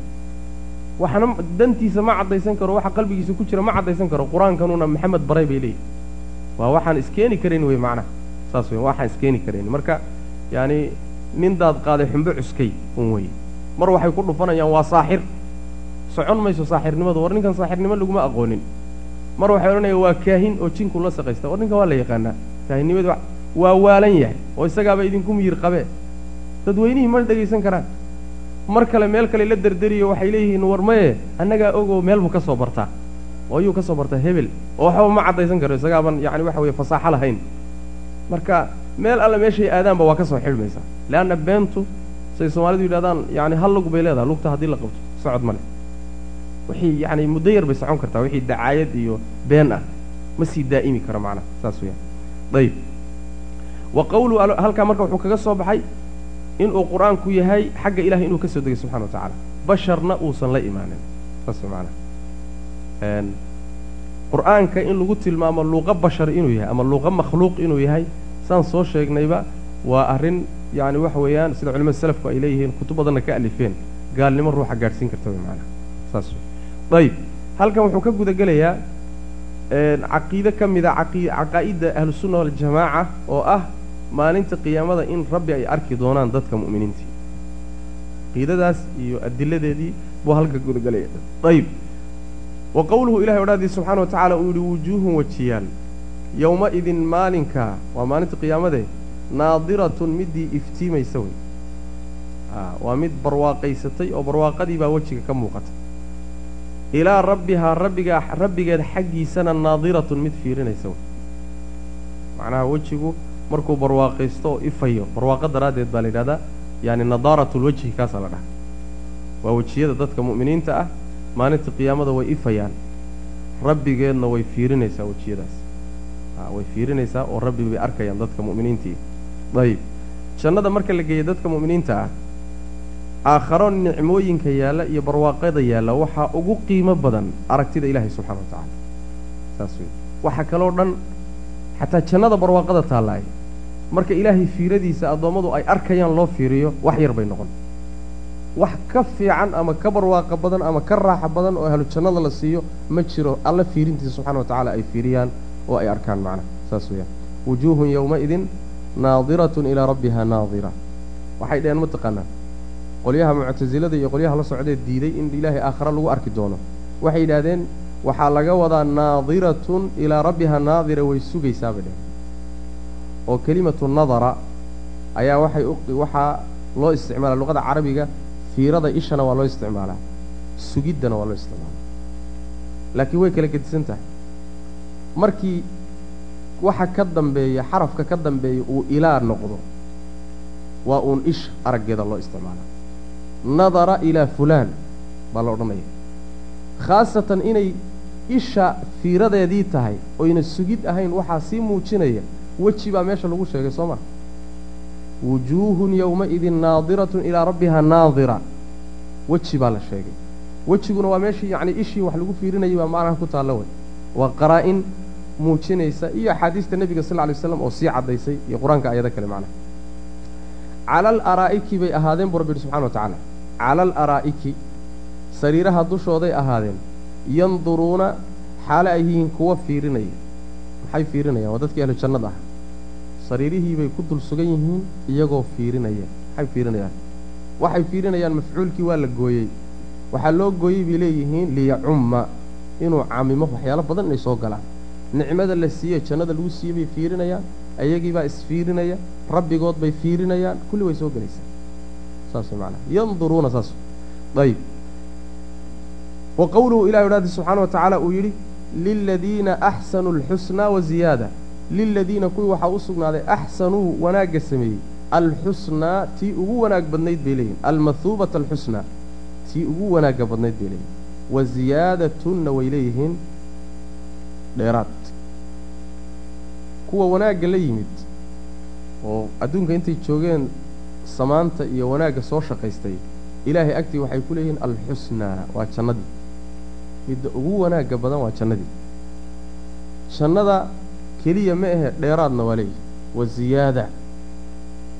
Siyaadada jannada dheeraadka ka a maxay tahay?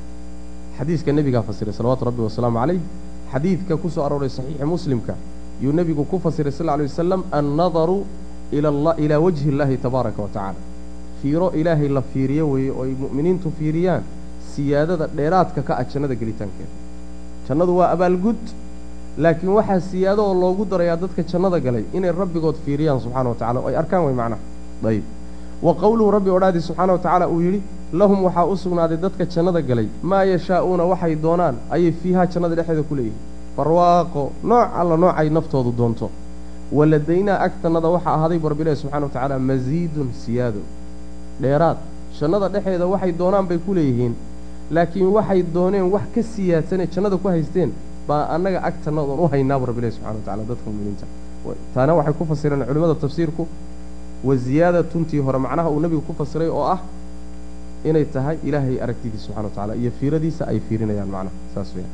Waladaynaa masiidun iyadana macnahaasa lagu fasiray marka waxay tilmaamaysaa rabbi aragtiisa subxana wa tacaala la arko. Axaadiista nebigana sal lay wasalam way inoogu imaan doontaa. Inuu nebigu sal lay waslam la weydiiyey hal naraa rabbanaa rabbiganaga ma arki doonnaa baa le nebigu markaasuu nebig wuxu uhi sal lay wasalam dayaxa oo dhammaystiran afari tobnaad jooga ma ka shakinaysaan ama ma isku cidhiidhiyeysaan araggiisa maya bay dheheen sidaasoo kale aad rabbigiin u arkaysaan buu nebigu yihi salawatu rabbi wasalaamu caleyh saad tabtaasoo kale baad rabbigiin u arkaysaan. Macnaha ilaahay sida qamarka uma yaallo rabbi iyo qamarka layskuma shabahayo dayaxa layskuma waxaa laysku shabahayaa aragtida aan qabarka arkayno iyo aragtida aan maalinta qiyaama alla arki doono labada aragtiyood baa isku mid ah. Labadaasaa isshabaha macnaa oo sida ay u muuqatay qarsoodi ayna ugu jirin dhankaasay iskala mid yihiin macnaa rabbigiin baad arki doontaan buu nabigu salawatu rabbi wasalaamu calayh. Alimaamu shaafici calayhi raxmatullah wuxuu u deliishaday in ilaahay maalinta qiyaamada la arkayo ayadda ah kalaa inahum can rabbihim yowmaidin lamaxjuubuun gaaladu maalinta qiyaamada rabbigood waa laga xijaabi. ciqaab baana looga dhigayaa ilaahay in laga xijaabo araggiisa.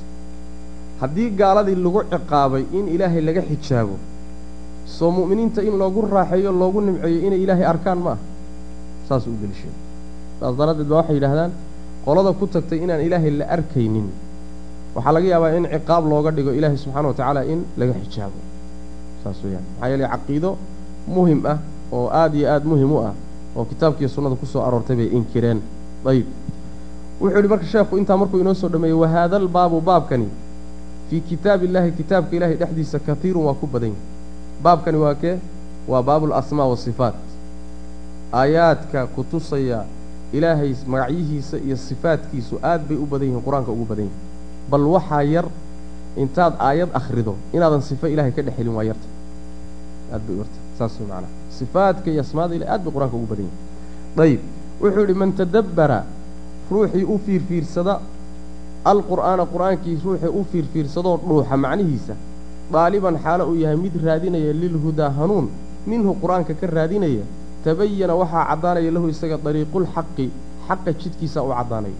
Ninkii qur'aanka intuu akhriyo si deggan u akhriya macnihiisa dhuuxa u fiirsada isagoo hanuun doonaya. Wuxuu ka wadaa hanuun doonaya haddii intaad madhab meel dhigatay waxbaa meel ku yaalla qur'aanka waxaad u akhrinaysaa wixii aad meel dhigatay inaad uga hesho qiil. Hanuun doon ma tihid markaas. Saas macnaa waa meeshay yidhahdaan yaani waxaa ka mid a madaahibta firaqa waxaa ka mid a. Waxay yidhaahdaan masalan ictaqid uma istadil bay dhahaan. Marka hore horta caqiidee markaa kadibna caqiidadaad meel dhigatay deliil u raadi. Marka nusuustii qur'aanka soo luqunjibaadh sunnadii iyo axaadiistii soo luqunjibaadh luqunta soo qaba soo leexi si aad ugu leexiso caqiidadaadii aad meel dhigatay adugu. Ahlusunna waljamaca laakiin saas ma ah intaadan caqiidaynin deliil raadi way. Markaad deliilka raadiso kadib oo deliilka hesho deliilku wuxuu ku tusay caqiidee laakiin intaad wax meel sii dhigato diinta waxaad meel dhigatay hawsoo macnaha waxa weeyaan hawsoo leexinin oo ha ku qasbin macnaha sidaas weyaan marka daaliban lilhudaa markaad qur'aanka hanuun ka raadinayso waa inaad hanuun doon tahay ee aadan hawadaada doonaynin. Saas wey macnaha saasuu ugu xidhaya sheeku intaa wuxuu kaga soo baxay marka aayaadkii ku tusayay ilaahay subxana wa tacala sifaadkiisa. Hadda halkan wuxuu ka gelayaa axaadiistii nebiga sal alla lay waslam leanna axaadiistu waxay fasiraysaa qur'aanka. Wuxuu rabaa inuu sheekhu inoo sheego qur'aanka iyo sunnaduba inay isku waafaqday ilaahay subxaana wa tacaala sifaadkiisa in loo daayo. Sidoo kale ijmaaci salafku isaguna saasuu ahaa. Ayib wuxuu yidhi faslun fii sunnati rasuuli llahi sal lay slm nabiga sunnadiisa. Wuxuu yidhi uma kadib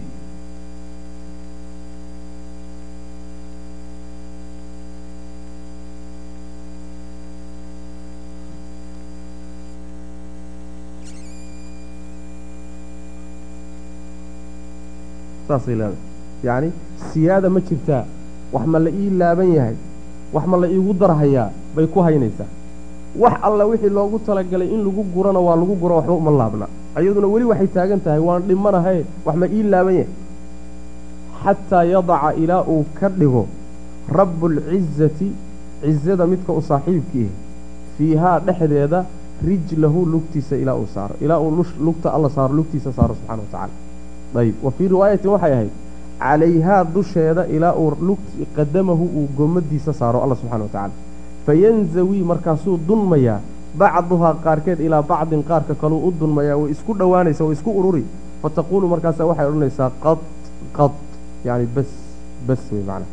Yani waan buuxsamay waa buuxsamay xasbii xasbii oo kale wey macnaa. Saas weyaan macnaheedu waxa weeye sifada hadda wuxuu doonayaa xadiisku wuxuu tilmaamayaa naarta jahannama inay ka weyn tahay inta loogu talagalay in lagu cadaabo. Markii intii loogu talagelay la geliyo bay weli waxay leedahay wax ma ii laaban yahay. Ilaa allah subxaana wa tacaala uu cagta dusha ka saaro cagtiisa uu saaro ama gomadiisa saaro markaasay isku ururaysaa oo isu dulmaysaa oo ay macnaha wax way buuxsamaysaa markaasa leeda bas wey waxba iima laabna hadda. Marka maxalushaahidku waxa weeyaan alla oo lagu tilmaamo subxaana wa tacaala yacni rijli lagu tilmaamo. Lug oo weliba qadam iyo gomad lagu tilmaamo waa sifaadkiisay ka mid tahay sida yad iyo gacanba loogu tilmaamay oo axaadiista qaarkood far loogu tilmaamay. Sidaasoo kaleeto ayaa qadam waa min sifaati daat bay ka mid tahay. Sifaadka daatada ilahay bay ka mid tahay subxana wa tacala marka lugtiisa iyo gomadiisu la mid ma aha midda makhluuq oo kale. Waa ka gedisan tahay qaطcan waa mid isaga u qalanta alla subxaana wa tacaala cadamadiisa iyo weynankiisa u qalanta. Qaabkay u taallidii kayfiyadeedana aynaan garanaynin saas macnaha. Xadiidku waa xadiid bukhaariyo muslim baa soo saaray min xadiidi anas. Anas ibn maalik ayaa xadiiska laga wariyaa ayib. Way qowluhu nabiga odhahdiisa sal alay wasalam uu yidhi yaquulu allahu alla wuxuu odhanayaa tacaala korhaye yaa aadamu aadamow. Fayaquulu markaasaa wuxuu odhanaya aadam labayka wa sacdayka. Yacni waanku yeelay way. Labayka wa sacdayka labada kelimo mid walba aslu ishtiqaaqeeda yani waxaa la yidhahdaa waa masaadir loogu talagalay takraar inay faa'iidayso laakiin hadda markay sa isu saareen waxaa laga wadaa uun meeshaan inagu ka dhahno hee hebelow hee markaad yacni ruux kuu dhawaaqay ajiibayso kaleeto. Labayka wa sacdayka waan ku ajiibay. Fa yunaadii markaasuu dhawaaqayaa alle malag wuxuu u dhawaaqayaa aadam. Bisawtin sawd buu ugu dhawaaqayaa. Marka xadiiskan sheegaya hadalka ilaahay inuu sawd leeyahay xadiiskaasaa sheegay. Bisawtin buu ugu dhawaaqayaa oo wuxuu leeyahay ina allaha alle ya'muruka wuxuu ku amrayaa an tukhrija inaad saarto min duriyatika carruurtaada inaad ka soo bixiso bachan kuwa la saaray ila naari naarta loo saaray. Naartu ciddii loogu talagalay inay galaan carruurtaada inaad ka soo bixiso buu ilaahay ku farayaa. Ka soo saar baa loonaya nebi aadam carruurtaada waa aakhare marka la tago way. Qiyaamada la joogo ayaa nebi aadam calayhi wacalaa nabiyina asalaatu wasalaam ilahay wuxuu ku odhanayaa carruurtaada qaybtii naarta loogu talagalay ka soo bixi soo sooc ka soo madh baa la odhanaya xadiisku marka intaasu noogu gaabiyey laakiin dhamaystirkiisu wuxuu ahaa markaasuu odhanayaa rabbi minkam ilaahow intee inteen soo saaraa boqolkiiba intee way macna. Markaasuu rabbi wuxuu odhanaya subxaana wa tacaala min kulli alfin tiscu mi'atin wa tiscun wa tiscuun. Kunkiiba waxaad ka soo saartaa sagaal boqol iyo sagaashan iyo sagaal ruux soo saar. Hal ruux baa marka kunkiiba yaa cadaabka badbaadaya inta kaleeto cadaabka gelaya. Waa maalinkuu nebigu uri sal lla alay wasalam dadka dhallinyaradii macnaha waxa weeye ay ciraysanayaan mushkilada taala daraaddeed. Oo kuwii uurka lahaa ay ilmihii dhigayaan oo tii ilmaha wadatay ay ka cararayso ay halmaamayso. Yacni mashaakisha daagan daraaddeed. Marka qoladaas soo saar baa lagu noynaya nebi aadam calayhi wacalaa nabiyina asalaatu wassalaam. Marka xaalad fudud maaha ilaahay subxaana wa tacaala kuu badbaadiyahay nagu daro marka maxalushaahidka xadiisku waxa weeyaan fayunaadii bisawtin ilaahay wuxuu u dhawaaqi nebi aadam oo wuxuu ugu dhawaaqayaa sawd uu maqlayo. Ilaahay inuu sawd leeyahay oo uu dhawaaqo oo uu hadlo buu xadiisku inoo faa'iidayey oo sifaadkii aayaadka qur'aanka ay inoo faa'iideeyeen macnahayuu isaguna faa'iideynaya sifadii ahayd sifatu nidaa waalkalaam tii buu faa'iideynaya macnaha. Ayb wa qowluhu xadiisku waa muttafaqo bukhaariy muslim baa soo saaray. Wa qowluhu nabigu odhaaday sal ly slam uu yidhi maa minkum idinka mid maaha min axadin ruux. Ilaa hadduu idinka mid yahay sayukallimuhu waxaa la hadli doona rabbuhu rabbigii baa la hadli doona ruux kastoo idinka miday rabbigii baa la hadli doona walaysa walxaal laysa uusan ahaanin baynahu wa baynahu turjumaan. Isagiiyo rabbigii isagoo aan wax afceliye u dhexaynin wax idin kale afcelinaya ma jiro. Adiguna rabbigaa wuxuu ku leeyahy waad fahmi adiguna rabbigaana subxaana wa tacaala luuqaadkao dhan buu garanoo waxba kama qarsoona rabbi subxana wa tacaala. Wax idin kale afcelinaya ma jiro marka. Ruux walba rabbigii buu la hadli doonaa ishortaagi doonaa la xisaabtami doonaa way macna. Saasuu nabigu uri sal lay slam marka sayukallimuhu way maclu shaahidku sayukallimuhu rabbigii baa la hadli doonaa. Inuu rabbi hadal ku tilmaaman yahay addoommadiisu ay fahmaan oo xuruuf iyo sawd leh buu macnaha waxa weeyaan xadiisku faa'iideynaya wa qowluhu nabiga odhaadii sal lla lay waslam uu yidhi fii ruqyati almariidi ruuxa xanuunsanaya tufmadiisa. Marka lagu tufayo oo waxyaabaha lagu tufo ducooyinka lagu tufo yuu nebigu sal lla lay waslam wuxuu yidhi rabbuna allahu aladii fi samaa'i taqadasa smuka rabbunaa rabbiganow rabbunaa rabbiganna allahu alla wey. Alladii kaasoo fi samaa'i xagga sare jira. Fi samaa'i haddaad samadii jurmiga lahayd ka dhigtana fiida bimacnaa calaa ka dhig. Cala asamaa'i samada korkeeda ahaaday taqadasa waxaa daahir noqday ismuka magacaaga. Magacaagaa nasahan oo ceeb iyo xumaan oo dhan daahirka ka fog. Amruka amruka arrinkaagu amarkaagu fi samaa'i buu ahaaday. Waalardi iyo dhulkaba. Dhulka iyo samada labadaba adaa ka taliya wey. Adaa iskale amarka. Kamaa sida raxmatuka naxariistaaduba fi samaa'i xagga sare ay u tahay oo samaawaadka naxariistaada laysugu naxariisto ijcal allow waxaad yeeshaa raxmataka naxariistaada fil ardi dhulka yeel oo naxariista ilaysoo dhulka ma taallo ha middan guud ee dhulka taalla lagama wadee addoonkan uu nebigu ku tufayo ee xanuunsanaya buu naxariis khaasa ilaahay inuu u soo dejiyo iyuu u weydiinaya. Ijcal raxmataka naxariistaada alla waxaad yeeshaa fil ardi dhulka oo naxariis khaasood addoonkan ku caafinayso ilah u soo deji way macnaha saasuu ka wadaa. Ikfir allow dhaaf lana annaga waxaad noo dhaaftaa xawbanaa dunuubtanada waaweyn wa khataayaanaa iyo gafafyaalkanaga hadda markay saasoo kale isugu yimaadaan xawbku waa dembiga laftiisa. Xawbka marka wuxuu noqonayaa dembiyada waaweyn khataayaagana waxay noqonayaan dembiyada yaryar. Si mid walba loo siiyo macno saas way maanaa wa khataayaa dembiyada waaweynna waa noqotaa. Ayib ikfir lanaa waxaad noo dhaaftaa xawbanaa dembiyadana waaweyn wa khataayaana iyo gafyaalkanaga anta adigu rabbu tayibiina kuwa wan wanaagsan rabbigood baa tahay anzil ilaahu deji raxmatan naxariis oo min raxmatika naxariistaada ka mid a addoonkaagan aad ku caafinaysa wa shifaa'an caafimaad oo min shifaa'ika caafimaadkaaga ka mid a calaa haada alwajaci xanuunkan dushiisa ama kan xanuunsanaya dushiisa oo fa yabra'a markaa uu bogsoodo. Ilaahow caafimaad uu ku bogsoodo ugu soo deji buu u soo deji buu nabigu ku ducay sal ly slam xadiidun xasanun waa xadiis xasana rawaahu abu daawuud wagayruhu xadiidku xasan ma ahe waa daciif. Xasan ma aha xadiisku waa daciif. Waxaa soo saray abu daawuud iyo nasaa'i. Sanadkiisuna waa daciifun jiddan aad buu daciif yahay xadiisku. Waxaa ku jira sanadkiisa la ziyaad ibnu moxamedin ansaari oo matruuk ah. Saas daraaddeed buu alimaamu dahabi xadiiska ku daciifiyey. Marka xadiisku ma sugnaa ayib laakiin axaadiis kaloo aad u fara badan baa macnaha uu sheekhu hadda u keensaday oo ilaahay sarrayntiisa ah yaa faa'iideynaysa waa laga maarmi karaa marka booskiisa xadiis kaloo saxaaxa macnaha istaagi karto qumi karta macnaha. Saas wey ayib xadiiskan marka hadda wuxuu u keenay inuu faa'iideeyo sifatu culuwi illaahi tabaaraka wa tacaala. Sarraynta ilaahay subxaana wa tacaala uu khalqigiisa ka sarreeyo sidii aayaadkaba aan ku soo marnay a aamintum man fi samaa'i? Soomaahin sidii oo kale axaadiistu faa'ideynaysa laakiin xadiisku waa daciif kan dambaa laakiin saxiixa ee uu daba dhigay. Wa qowluhu odhaahdiisa uu yidhi nebigu sal ly slm ayaa ka mid a alaa ta'manuunii miyaydaan i aaminaynin.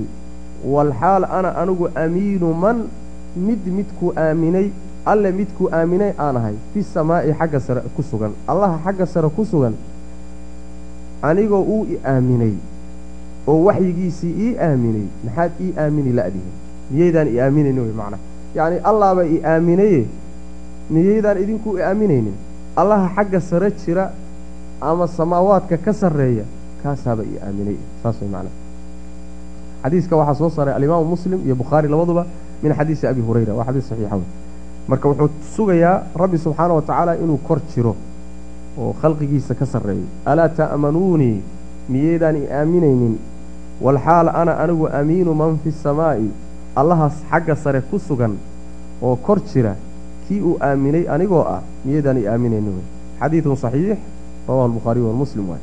Ayib. Wa qowluhu nabiga odhahdiisa sal ly waslam uu yidhi ayaa ka mid ah axaadiistaas waalcarshu fowqa almaa.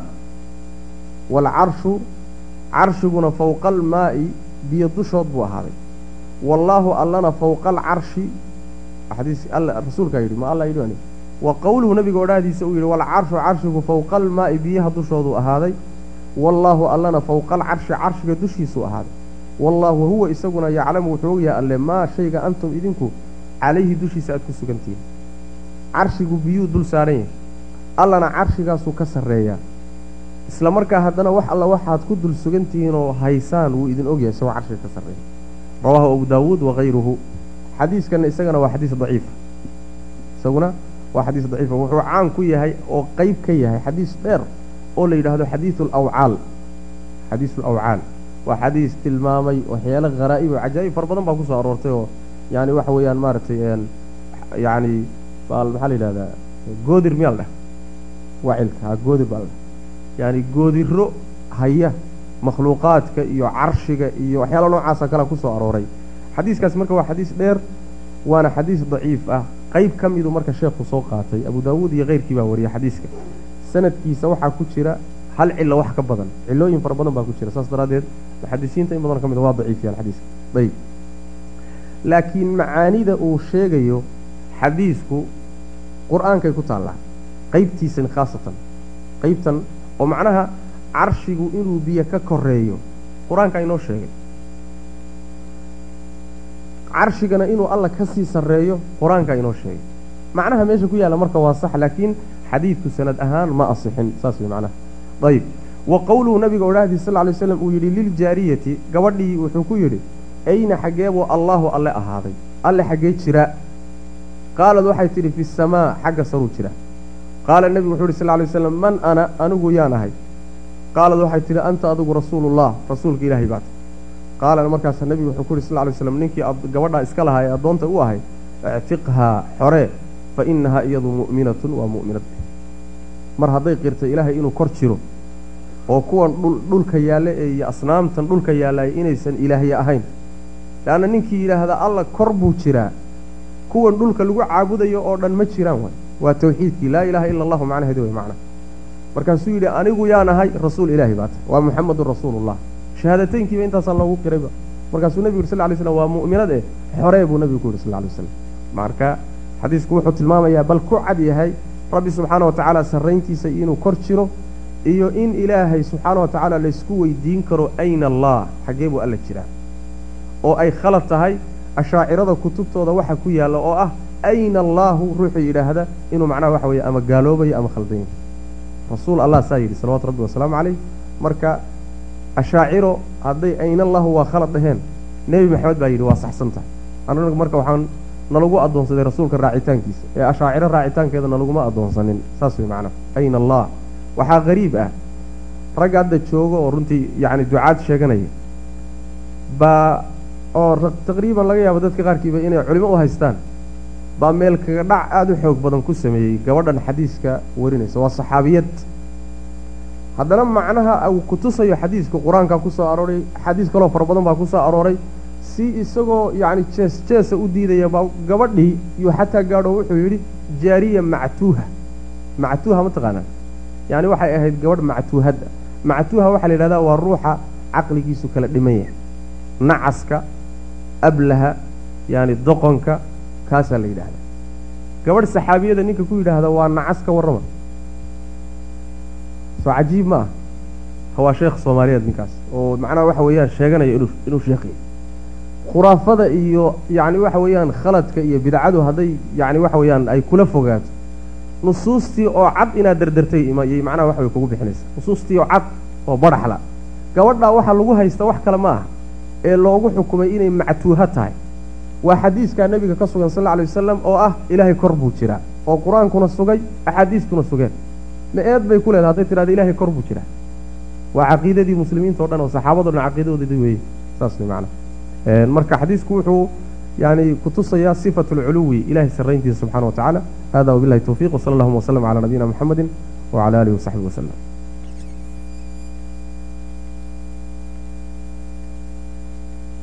خرج من المجتمع المسلم لابد وأن ينصهر في المجتمع الذي يعيش فيه وقد صح عن النبي صلى الله عليه وسلم قوله المرء على دين خليله فلينظر أحدكم من يخالل الجيران يؤثر والمجتمع يؤثر يؤثر العقيدة ويؤثر الإيمان ويؤثر الأخلاق ويؤثر الرؤية ويؤثر جميعك كل ما فيك عرضة للتأثر بالمجتمع الذي تعيش فيه ولهذا أوجب الله تبارك لأجل هذه الحكمة أوجب على المسلم أن يهاجر من بلاد الكفر لماذا؟ ليكون ليحافظ على عقيدته وليسلم من تأثيرات المجتمعات الكافرة ولهذا قال صلى الله عليه وسلم أنا بريء من كل مسلم يقيم بين أظهر المشركين إذا كنتم تقيمون فيهم فعليكم بهم بمهمة الدعوة لتكون لكم عذرا عند الله تبارك وتعالى من كان يعيش فيهم ويدعوهم إلى الخير ويدعوهم إلى التوحيد ويدعوهم إلى الإيمان فقد يكون له معذرة عند الله تبارك وتعالى أما غيره فلا عذر له إلا في حالة نادرة لماذا؟ لأنه حفاظا على عقيدتك لأنه حفاظا على شخصيتك حفاظا على أخلاقك حفاظا على إيمانياتك حفاظا على آخرتك حفاظا عليك وعلى أسرتك وعلى أولادك فلا بد أيها الأحبة من مواجهة التحديات على قدر الإمكان ونحن مجتمعين لا متفرقين نبذ الفرقة على بشتى أشكالها الفرقة المبنية على الجنس وعلى اللون الفرقة المبنية على أساس الإقليم والوطن الفرقة المبنية على أساس الطوائف والمنازل والمقامات الاجتماعية الفرقة المؤسسة والمبنية على الانتماءات كلها تنبذوها وكلها تتركوها ثم تتحذون على قول الله وقول رسوله صلى الله عليه وسلم وتعتصمون بكتاب الله وبسنة رسول الله صلى الله عليه وسلم ثم بعد ذلك تواجهون التحديات ال ال التي تواجهكم وتحد وتوجهون وتتوجهون إلى تلك الفتن وتلك الشرور وتلك الأمواج